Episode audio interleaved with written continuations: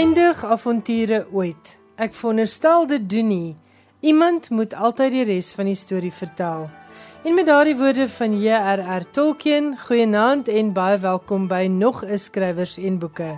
Ek is Elsje Saltzfeld en vanaand vier ons die verjaarsdag van 'n paar groot skrywers van klassieke werke.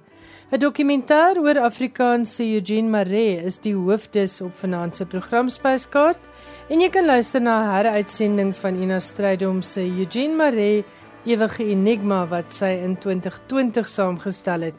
Dit was ter viering van die 150ste herdenking van Maree se geboortejaar. Hy is op 9 Januarie 1871 gebore. Ek gaan ook so ietsie deel oor J.R.R. Tolkien wat op 3 Januarie 130 jaar gelede in Bloemfontein gebore is en in Johan Meiburg se program gesels hy onder andere oor Molière wat op 15 Januarie 1622 gebore is. Dis sommer 'n hele klomp groot name wat in Januarie verjaar. Johan gaan ook meer vertel oor die Franse skrywer Michel Houellebecq se jongste roman en Joel Taylor, die Britse slamdigter wat pas aangewys is as die wenner van vanjaar se T.S. Eliot Poesieprys. Ek hoop jy geniet die program.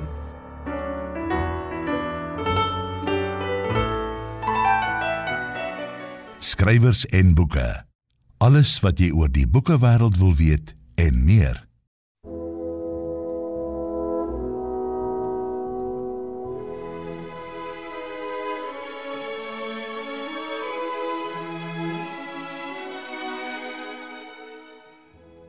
Hoe koud is die windjie en skraal en blink in die doflig en kaal. So wyd is die Heer se genade, lê die velde in sterlig en skade. En hoog in die rande, versprei in die brande, is die grassaad ontroere soos winkende hande. Hoe treurig die wysie op die ooswind se maat soos die lied van 'n meisie en haar liefde verlaat. In elk grashalm se vou blink 'n druppel van dou. En vinnig verbleek dit tot ryp in die kou. Ja, dit is 'n baie belangrike gebeurtenis. Die publikasie van Winternag op die 23ste Junie 1905 het uh, die Afrikaanse poësie in 'n groot mate ingelei. Die belangrike plek wat die Afrikaanse poësie binne die Afrikaanse literatuur inneem, dink ek word algemeen erken. En een van die stedelgedigte in hierdie hele geskiedenis, miskien die gedig, is Eugene Maree se Winternag. Eugene Nielen Maree is op 9 Januarie 1871 gebore, vanjaar 150 jaar gelede. Een van die invloedrykste figure in Afrikaans. Hy was joernalis en regsgeleerde, medikus, digter, prosaas, kenner van dieregedrag, kindervriend, morfienverslaafde en swerwer. Die ewige enigma Maree se baanbrekerswerk, Die siel van die muur, is in 1963 vir die radio verwerk en opgevoer deur Cecil Jabber. Die termietnes is 'n voorbeeld van die wording en samestelling van hoogs ontwikkelde en komplekse diere, soos die soogdier. Die groot orgaanstelsel van die soogdier is 'n samestelling van afsonderlike diere. Die geheel vorm 'n saamgestelde dier. En dit is wat ek eintlik bedoel. Die termietnes, die som van die totaal, is 'n saamgestelde dier. As bewys, kom ons keer terug na die breuk in die muurshoop. Hier in die nes by die wond. Die lug stroom in deur die wond. Gevriesde lug. Twee soorte termiete verskyn. Die opdrag in die twee soorte termiete is verskillend. Die rooi naaldgewapende soldate is die eerste. Daar's 2, 4, 8, 88. Stadig en bedagsaam versenteer hulle die breuk van alle kante af. As daar glad geen werkers teenwoordig is of te min, dan begin enkele soldate te sien. In huise wat deur termiete binnegeval is, kan 'n mens gedurende die nag die geluid duidelik uit alle rigtings hoor. Deur die vinnige beweging op mekaar van die keelplate van hul pansering uit hulle vinnige tik tik tik. Met hierdie geluid roep die soldate die werkers na die plek van inbraak. Dieselfde geluid word ook gebruik om die werkers na die kos toe te roep. So gebiedend is hierdie geluid dat selfs die werkers wat met spesiale take belas is, soos water en larwes dra, tuin maak, voeding van die koninklike paar, alles net so laat staan en toestroom na die plek van waar die alarm uitgegaan het.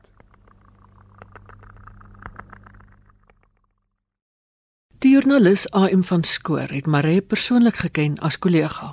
In 1970 het hy sy herinneringe in 'n radio-onderhoud gedeel.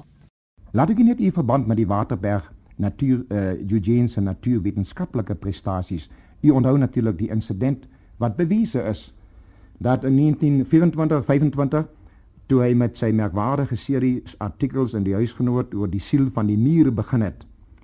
Is daardie uh, daardie waarnemings in Eugene uh, se natuurwetenskaplike beskrywinge daar net so oorgeneem deur Maeterlinck uh, wat uh, in The Soul of the Ant dit gepubliseer het. Dit was plagiaat van die grofste aard. Dit is later bewys dat dit so is. Daar was 'n geweldige dispuut destyds aan die gang in die jare 25, 26, 27 oor Maeterlinck se plagiaat en dit is bewys dat Eugene uh, dat hy voordat Eugene Marais se werk oorgeneem het. So mense natuurlik ook nog byvoeg oor hom as die natuurwetenskaplike dan dink ek dan moet ek dan tog die woorde quoteer van Robert Adri wat nou in die jongste boek The Soul of the of the Ape en sy voorwoord uh Adri is 'n groot bewonderaar van Eugene geword. Uh hierdie woorde sê en ek dink ek quoteer dit omdat dit mens insien so reg reflekteer die dieptes, die ongepeilde en nog miskende dieptes van hierdie merkwaardige Afrikaner. Hy sê in sy voorwoord He, that is Eugene Marais, was the first human mind to penetrate the secrets of the wonderful world of the animal and to apprehend le the legitimate mysteries of the wonderful world of man. So hy was 'n baie invloedryk eintlik. Ek dink uh, mense weet altyd van gorillas in the mist en daai soort werk en sy erken ook in haar boek die invloed wat hy gehad het ook as as 'n soort vader van die etiologie. Die dat diere nie soos wat dit in die 19de eeu bestudeer is, was 'n dier in 'n dieretuin bestudeer. Hy's geskiet en gespalk en ongeanalyseer. En en dit was 'n idee wat Maree gehad het. Hy ook hier gedoen het in die water. Hy het gaan sit en kyk na die bobbejane en sy aantekeninge gemaak. Hy het gaan kyk na die lewende muurnes as 'n hele geheel. Professor Willie Burger van die Universiteit van Pretoria. Maree se kortverhale word ook bestempel as merkwaardig anders as die van sy tydgenote. Die huis van die vier winde is in 1990 deur Nick Swanepoel verwerk. Dora Cameron was onbeslis gesien. Daarvan is ek oortuig. Wat sou sy met daardie kers in die koperkandelaar wil maak? Kom dokter Derby by. Laat ek jou eers jou slaapkamer gaan wys. Goed, dankie mevrou. Ek verskoon net 'n oomblik asseblief. Seker dokter. Hier langs dokter. Ek stap maar voor by die lig. Maar wat is dan die deur van die kamer waarin ek die jong man sien ingaan?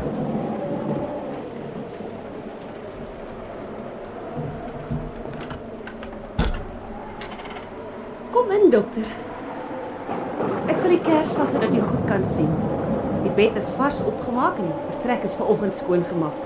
Wag, wag, ek lig die kers hoër op dat jy die hele vertrek beter kan sien. Sien jy dokter?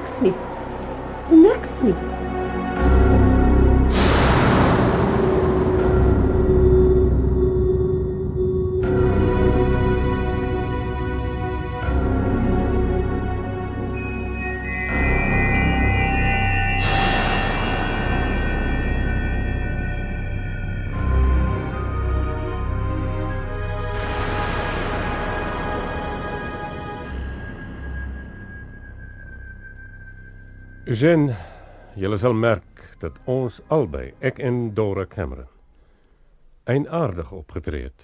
Ja, ja baie aardig, dokter. Waarom het jy niks van die jongman gesê nie? Ek weet nie. As wetenskaplike sou my verklaring wees dat of skoon ek 'n eet sou aflê dat ek die jong man wel gesien het, net soos ek sopas aan julle vertel het. Ek nietemin in my onderbewussyn net so seker was dat die verskyning subjektief en nie objektief was nie. Maar hoe op aarde verklaar jy hierdie vreemde ondervinding van u? My vriend, my storie is nog nie klaar nie. Maar het klaar blyklik 'n groot indruk gemaak op mense wat hom geken het. In sy laaste jare het hy by 'n mevrou Cross tuis gegaan in Pretoria.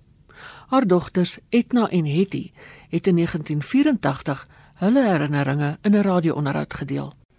He was my mother, my father, my father confessor, my friend, my greatest pal. Um, if I can put it this way, this is the only way I can really tell you.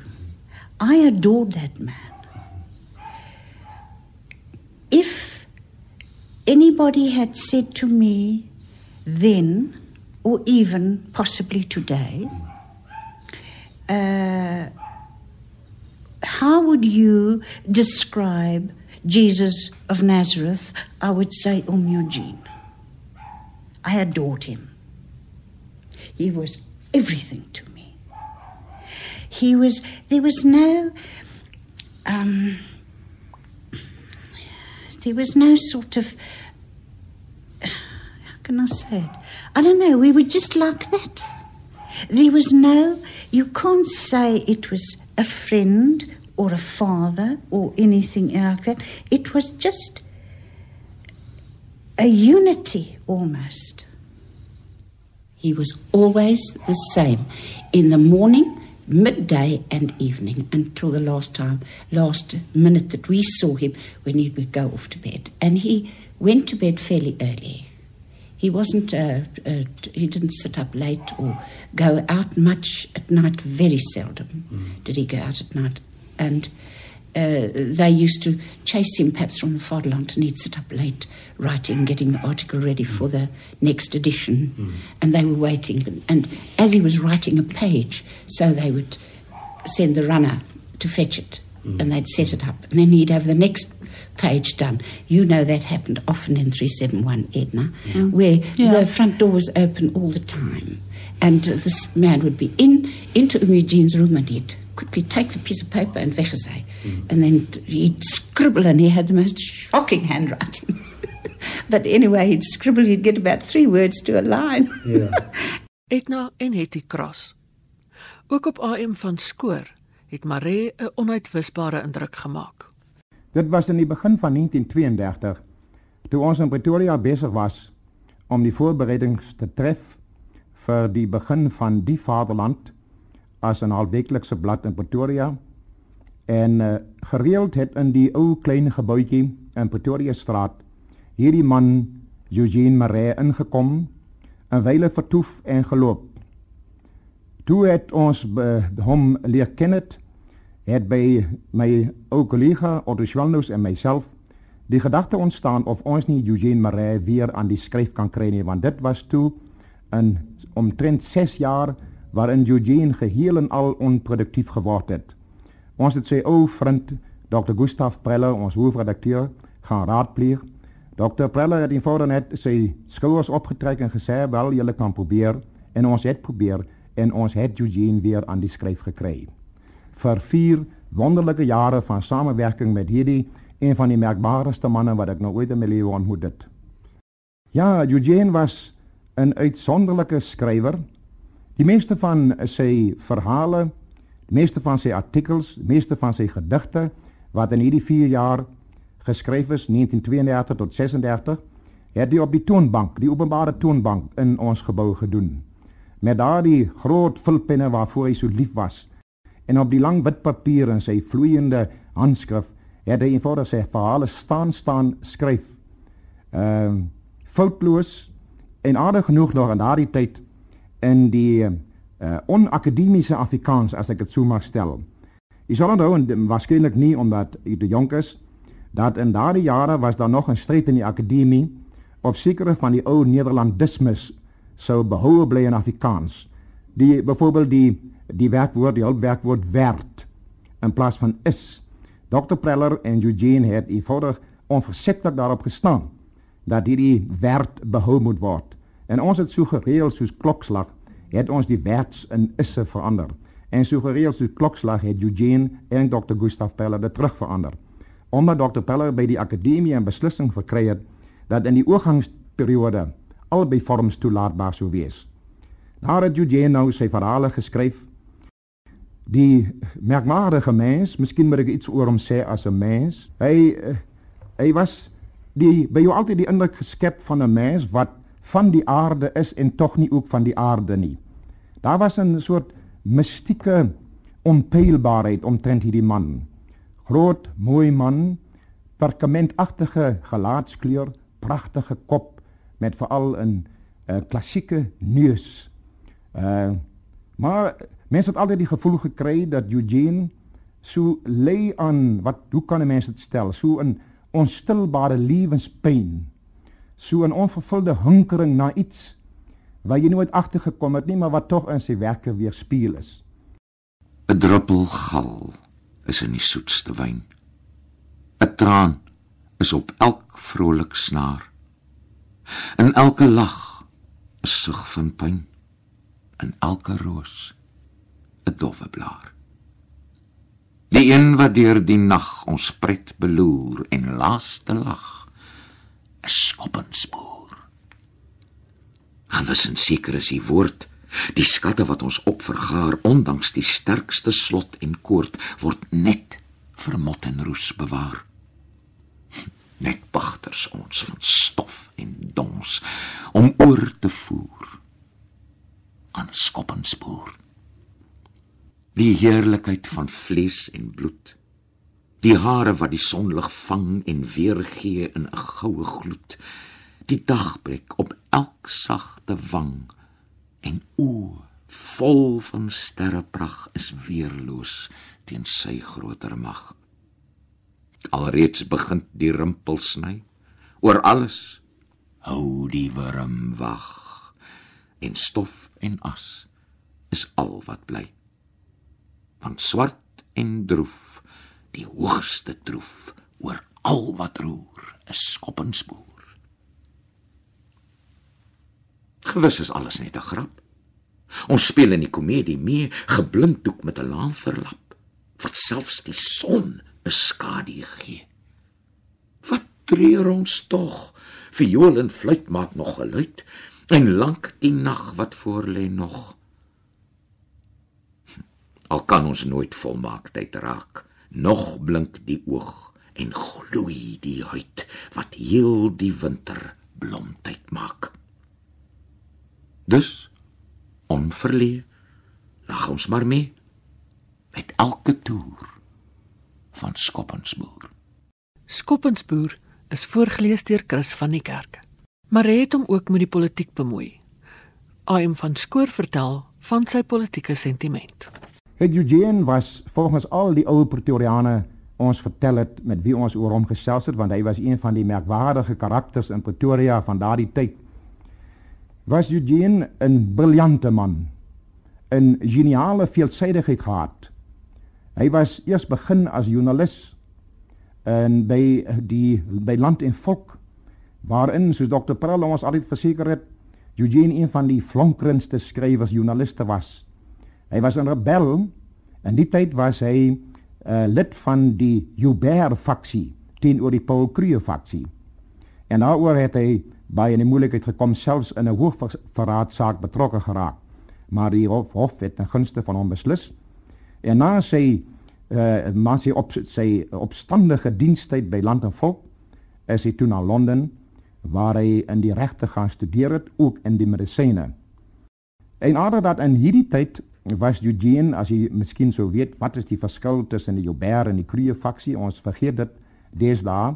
Maar dit was maar ook die deel gewees van die uh die twyfel wat daar in die onder die burgers van Transvaal die Republiek Suid-Afrikaanse Republiek ontstaan het oor wat die houding teenoor die inlander uitlander instroming behoort te wees.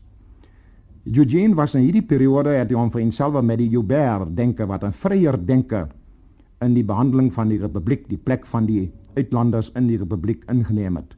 Maar dit is merkwaardig dat Eugene later as gevolg van sy verblyf in Londen en ook uh, toe sy uh, ervaring sy ontroering van die Tweede Vryheidsoorlog toe hy in Londen was was die, die hele periode het Eugene 'n volkomme kentering ondergaan en het hy daarna eintlik geweier om ooit weer 'n woord in Engels te skryf en Eugene was seker een van die merkwaardigste skrywers in Engels om die waarheid te sê hy begin dig in Engels op 14 jarige leeftyd het hy sy eerste gedig geskryf in Engels. Maar aan die einde van die oorlog toe Eugene in Londen was het hy gevoel die drang by hom om sy burgers van sy ou Transvaal wat hy so lief gehad het te kom help. Onweerstaanbaar geword. Hy het na Oos-Afrika gekom en van Oos-Afrika het hy 'n ekspedisie georganiseer om medisyne en noodsaaklike voorrade vir die vegtende burgers af te bring. Dwars deur hierdie onbetrede Oos-Afrikaanse vasteland het hulle gesukkel totdat hulle op 'n goeie dag in Mosambiek die tyding gekry het dat die oorlog verby was en die vrede geteken is. Maar met tyd het nuwe inligting na vore gekom en nuwe perspektiewe gebring. Professor Willie Burger. Daar is baie ehm um, ek ek wil byna sê kontroversie ook soms rondom hom want in 'n sekere sin is sy werk ook toegeëien as deel van 'n Afrikaner nasionalisme in 'n poging om Afrikaner nasionalisme aan te wakker. Gustav Preller wat sy goeie vriend ook was, het sy gedigte dikwels gebruik en sy werk gebruik om te wys kyk hierdie is Afrikaans en en dit was 'n poging van 'n uh, opkomende Afrikaner nasionalisme wat ook gevestig is met hom die idee gaan skep het van die goeie Afrikaner die briljante ou hy's ons man daar is in al die uh biografiese werk oor hom ook oor is by Rousseau by Leon Rousseau se biografiese werk met die groot verlange is daar die leegte van die tyd wat Maree uit Pretoria uit verdwyn het in die 1890s. Ehm um, hy het teruggekom met 'n kwalifikasie as regsgeleerde, maar hy het teruggekom aan die einde van die Anglo-Boereoorlog. Maree se morfienverslawing is alom bekend.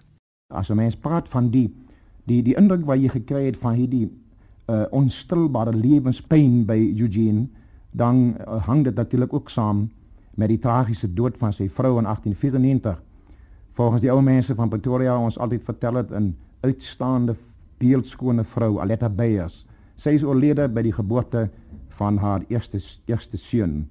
En dit is een van die redes waarom Eugene na Londen gegaan het.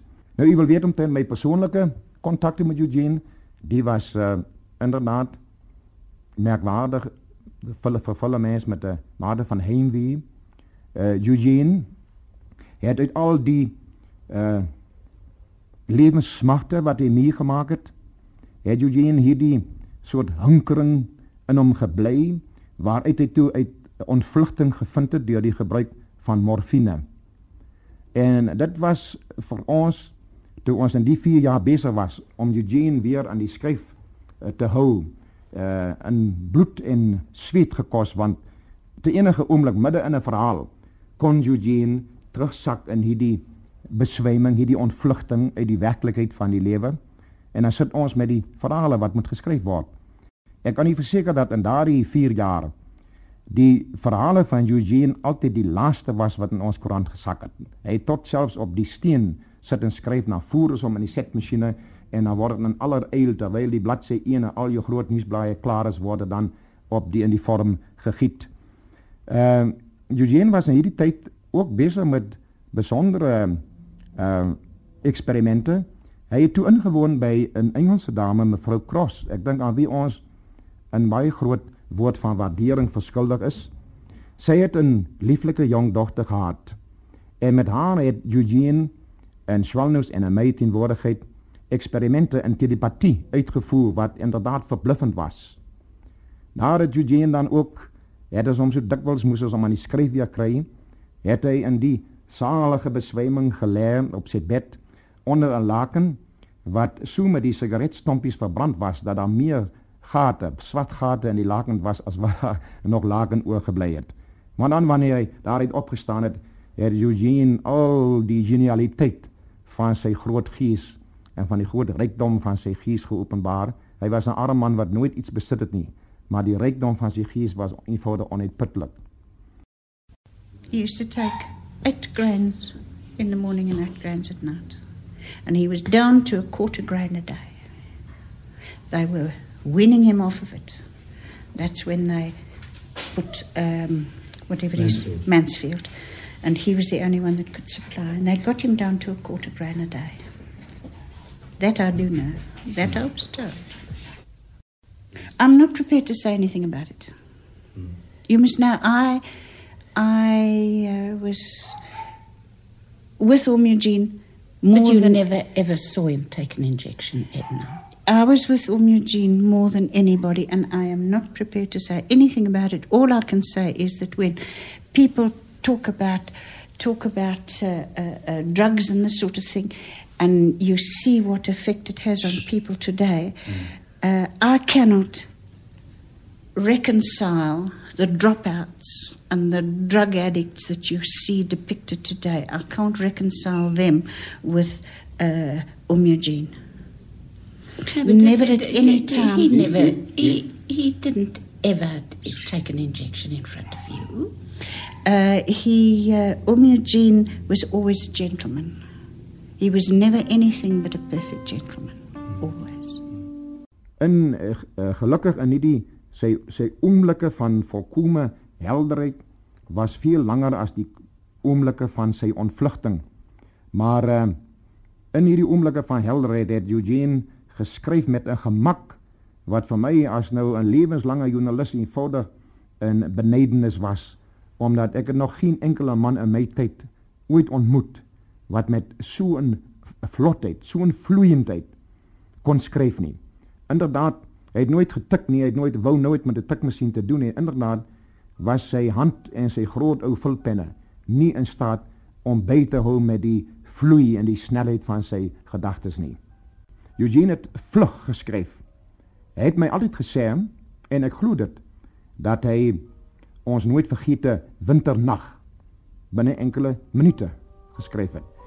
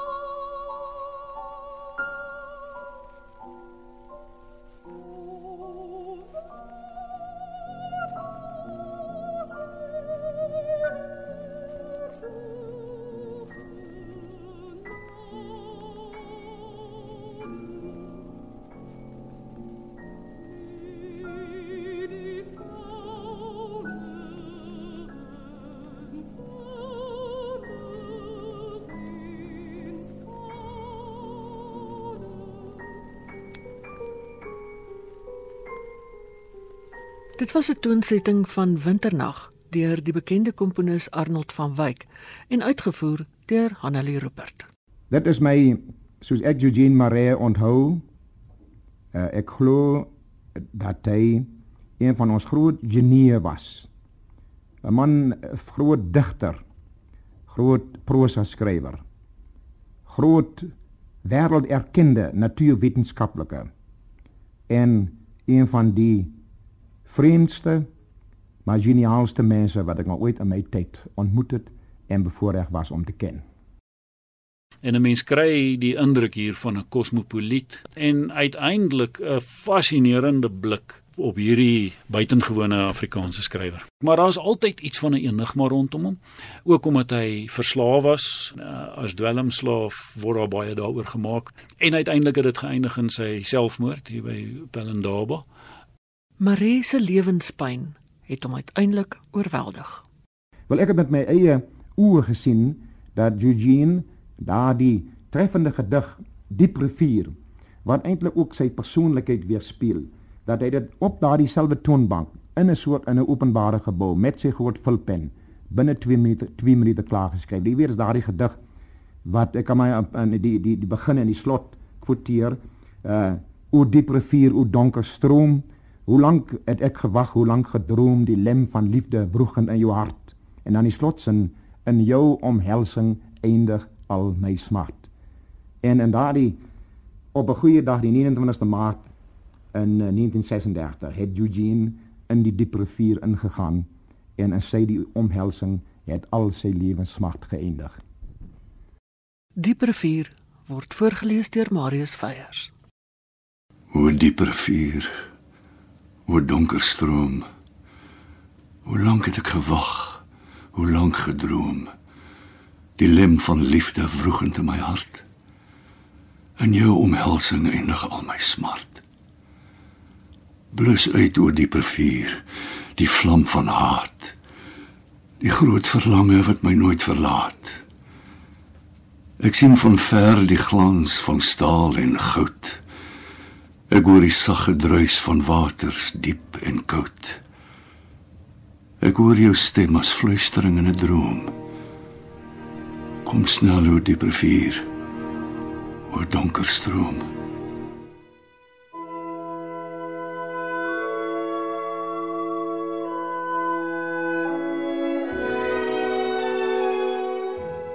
Eugene Maree, Ewige Enigma, is saamgestel uit materiaal uit die SAIK se klankargief met groot dank aan Karen de Tooy. Die samesteller en aanbieder is Ina Strydom.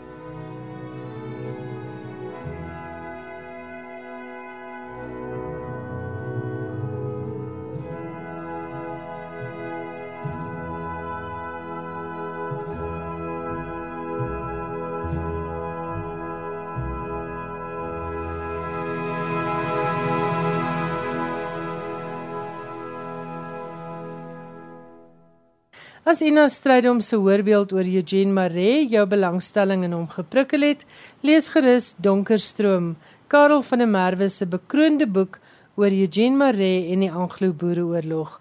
Dit het in 2015 by NB Uitgewers verskyn. Anders as gewoonlik gaan ons nou eers luister na Johan Meiburg se internasionale bydrae en hy gaan gesels oor die Franse dramaturg en skrywer Molière 'n nuwe boek uit die pen van die Franse skrywer Michel Houellebecq en Joël Taylor, die wenner van vanjaar se TS Eliot Poesieprys. Hier is Johan. Die wêreld en veral dan Frankryk het pas die 400ste geboortedag gedenk van die Franse dramaturg en skrywer Molière. In Parys is uittreksels uit Molière se twee bekendste verhoogdramas, Tartuffe en L'École des Femmes, vertaal sou dit kon beteken skool van vroue aangebied.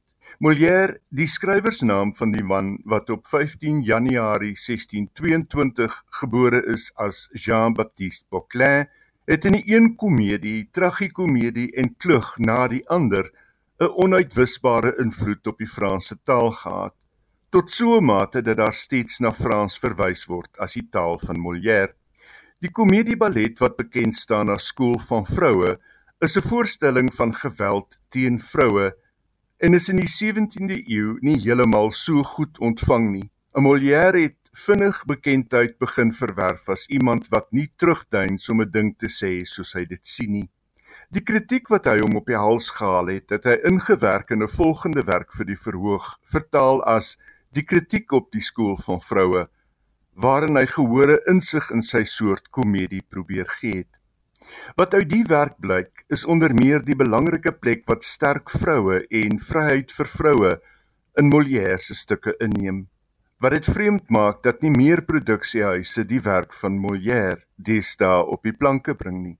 Hiertelande was dit Bartu Smit wat met sy vertaling van Molière se Jakkalstreke van Scapino Die boek het in 1962 verskyn en is in 1984 weer uitgegee die Franse skrywer bekend gestel het aan lesers van Afrikaans. Voor die verskyning van die teks het Janie Gildenhuys in 1958 'n produksie vir die Nasionale Toneelorganisasie of NTO van Smit se vertaalde Jakkalstreke aangebied met Telana Hanekom, Kitta Redlinghuis en Leonora Nel in die rolverdeling. Ons bly voorlopig in Frankryk met nuus oor die verskyning van die Franse skrywer Michel Houellebecq se jongste roman wat pas in Frans verskyn het. Die voorlopige titel vir die vertaling in Engels is Annihilate. Volgens Olebek is die roman sy laaste. Die boek is 'n politieke thriller wat gaan oor verval van Europese gemeenskappe te midde van opkomende regse populisme. Dis die jaar 2027 en die veldtog wat die Franse presidentsverkiesing voorafgaan is in volle swang.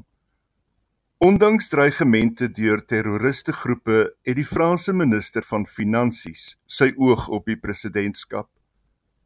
Paul Raison, die hoofkarakter in die boek, steun die minister in sy ambisie, maar probeer terselfdertyd die gebroke verhouding met sy vrou herstel. Boonop laat Raison se gesondheid veel te wense. Annihilate beskryf daarmee saam die einde van 'n era waarin mans se sosiale en politieke autoriteit onbevraagteken bly. Dis onder meer wat met die hoofkarakter gebeur. Tongkanker word by hom gediagnoseer en die prognose lyk nie goed nie. Of hy laat sy tong verwyder of hy sterf. Watter uitweg hy kies, sal 'n mens maar self moet agterkom deur die boek te lees. Olubek se vorige roman, vertaal as Submission, het in 2015 verskyn. Die Britse slamdigter Joel Taylor is pas aangewys as die wenner van vanjaar se T.S. Eliot Poesieprys vir haar bundel Canto and Othered Poems. Die beoordelaars het die bundel beskryf as 'n boek wat gloei met hartstog en lig 'n grootse werk van bevryding uit die skadu's van onverskilligheid en onderdrukking. Volgens Glenn Maxwell, sameroeper van die paneel, is Taylor se bundel autobiografies van aard en gaan dit oor haar ervarings as lesbiese vrou en onder meer oor die vyandige gesindheid wat sy as kind in 'n konvensionele gesin op die lyf geloop het. Maar daar is ook iets verbeeldingryks in haar uitbeelding van lesbiese klublewe sommige daarvan hemels en ander minder so, sê Maxwell. Die skryfwerk is gewis iets om te lees. As slamdigter wat haar werk in die openbaar voordra, kry hierdie laaste opmerking van Maxwell soveel meer betekenis as 'n mens daarna luister en haar dit sien voordra. Joel Taylor se Canto and Other Poems word uitgegee deur Westburn Press.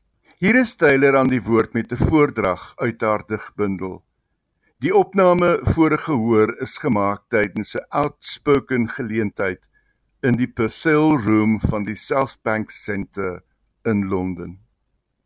Some girls fall from sunlit skies straight down into flat pack floral dresses grab their smiles from a hook behind the door rescue their faces from riptides of mirrors. Some girls are always falling. Round one. You fall and miss your body entirely. Land somewhere in enemy territory behind the lines. Your body, a foreign country you cannot get a visa for your skin, a parachute caught in tree branches. You awaken in no man's land. Gunfire from over the horizon, and women are crucified on hashtags across the dark hills. Your trench is crowded with dead women wearing faces that try to escape them and the clothes of someone you once knew. There are land mines buried deep beneath your skin, and no one understands them. In between the battle cry and the bedroom is this sticky, quiet, this no man's land, and this is where you live. Men explode when you least expect it. You will spend a lifetime searching for your body. Round two. You don't wear makeup to prove you have not made anything up. This is your face.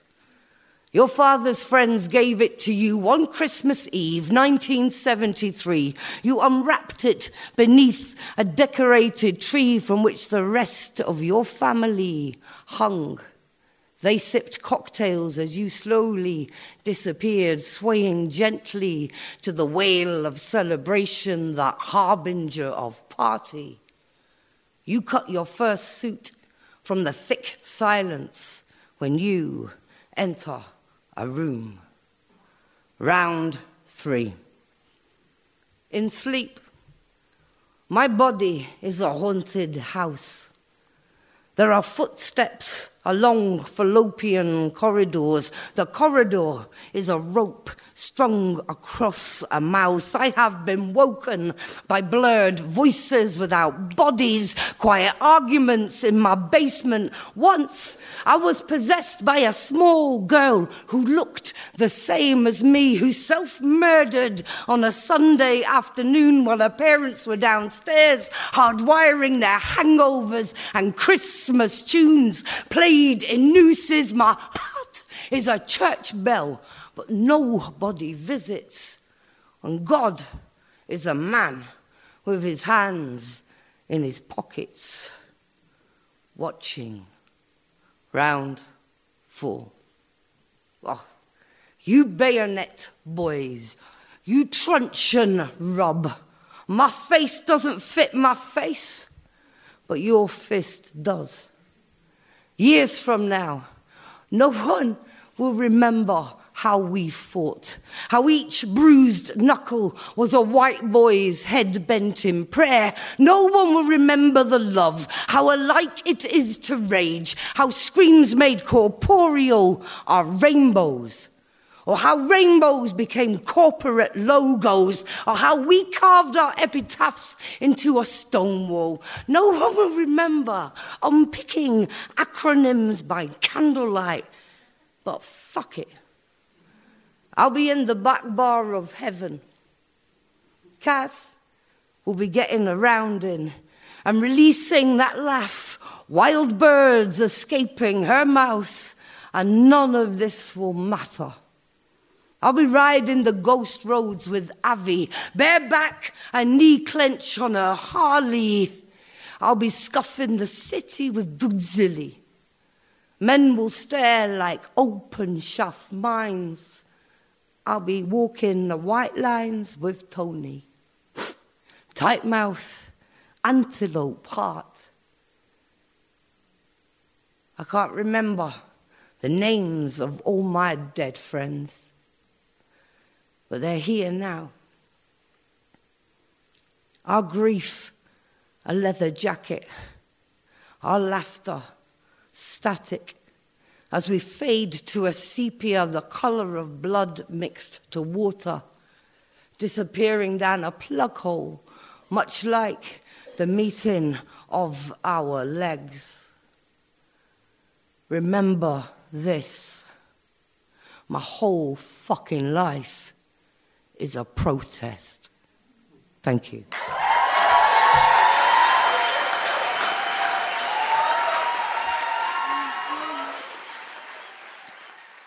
En so klink die wenner van vanjaar se TS Eliot Prys, die Britse slamdigter Joel Taylor. Baie dankie aan Meiburg, weer eens 'n baie interessante bydrae. Ons sluit vanaand se skrywers en boeke af met iets oor nog 'n klassieke skrywer wat vanjaar 130 jaar gelede gebore is. Dis nou wel nie 'n Afrikaanse skrywer nie, maar darm een met Suid-Afrikaanse bande.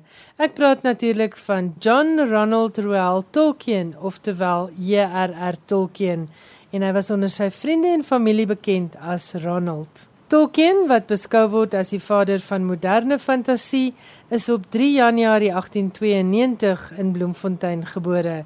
Hoewel baie skrywers voor Tolkien fantasie geskryf het, was sy Lord of the Rings en The Hobbit so suksesvol dat dit vandag steeds heruitgegee word. Dis in verskeie wêreldtale vertaal en daar het ook al vertalings van Tolkien se bekendste twee titels, The Hobbit en The Lord of the Rings in Afrikaans verskyn.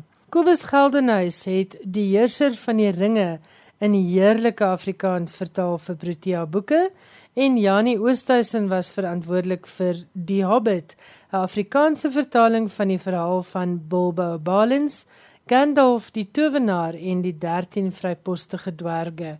En ook dit word uitgegee deur Protea Boeke. Tolkien se fantastiese stories het ontstaan as slaaptydstories vir sy kinders en van sy ander kinderverhale het ook in druk verskyn. The Hobbit het eerste in boekvorm verskyn, naamlik in 1937 en die uitgewer Reiner Unwin moes sy pa behoorlik smeek om 'n kans te waag op The Lord of the Rings. Dit het in 3 dele verskyn in 1954 en 1955.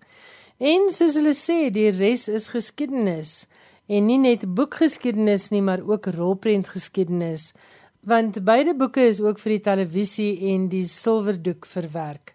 Terloops, Tolkien se seun Christopher het gesorg dat sy pa se fantasieavonture nie saam met hom sterf nie. En Christopher het van Tolkien senior se werk postuum gepubliseer as The History of Middle-earth. Benewens skrywer was J.R.R. Tolkien ook 'n digter, letterkundige en filoloog, met ander woorde 'n kenner van die taalwetenskap. Hy is in 1972 met die orde van die Britse Ryk vereer en is in 1973 oorlede. Baie dankie vir die saamkuier en volgende Woensdag aand maak ons weer so.